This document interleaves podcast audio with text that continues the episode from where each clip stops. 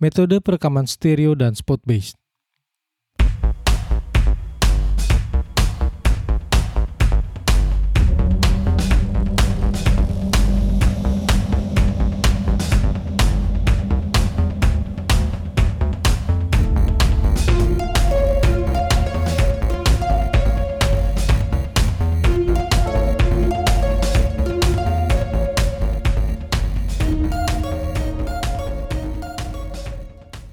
Pada dasarnya ada dua metode yang sering digunakan untuk merekam alat musik. Pertama, metode perekaman stereo, dan kedua, metode perekaman spot based. Saya akan jelaskan satu persatu ya. Metode perekaman stereo adalah perekaman yang dilakukan dengan menggunakan dua mikrofon atau lebih. Tujuannya adalah untuk mendapatkan persepsi ruang atau space pada hasil perekaman tersebut.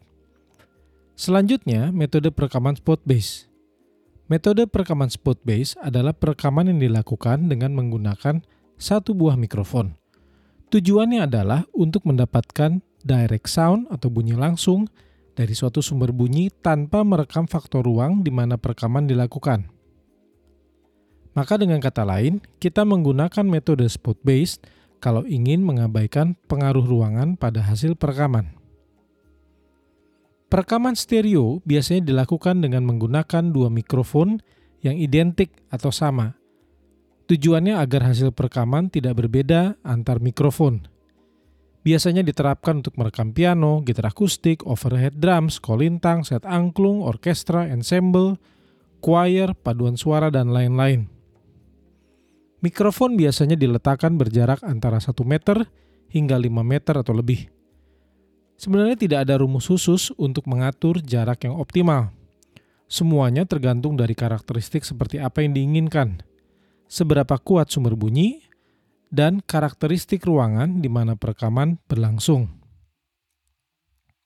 Berikut ini contoh perekaman stereo pada sebuah ensemble.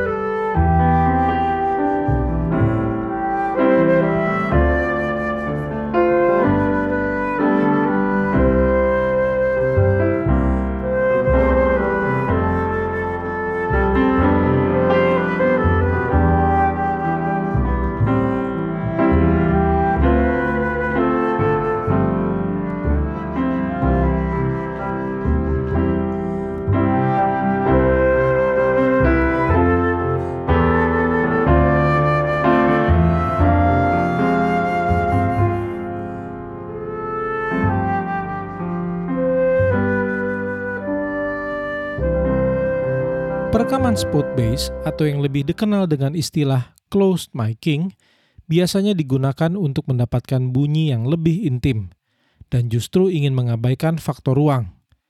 Biasanya dilakukan untuk merekam gitar akustik, trompet, saksofon, vokal, perkusi, miking kabinet atau speaker gitar atau bass, dan lain-lain. Metode ini tidak digunakan untuk merekam sekelompok alat musik – karena jelas hasilnya pasti tidak akan memuaskan. Sinyal yang dihasilkan adalah mono, sedangkan kita sehari-hari mendengar dengan menggunakan dua telinga dan terbiasa dengan sensasi stereo. Berikut ini contoh perekaman spot based pada alat musik.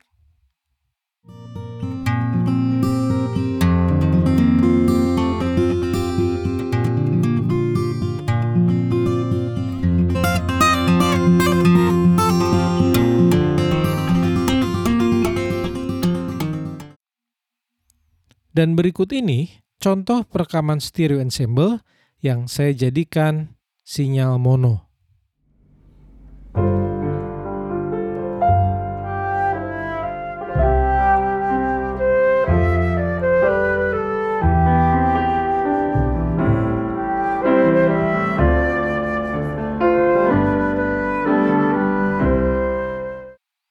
Kira-kira mana yang lebih Anda sukai? Perekaman ensemble stereo atau mono. Jadi, metode mana ya yang harus kita gunakan? Semuanya tergantung dari hasil akhir yang kita inginkan dan karakteristik bunyi seperti apa yang ingin kita capai. Terima kasih sudah menyimak episode ini pada podcast Rasa Bunyi.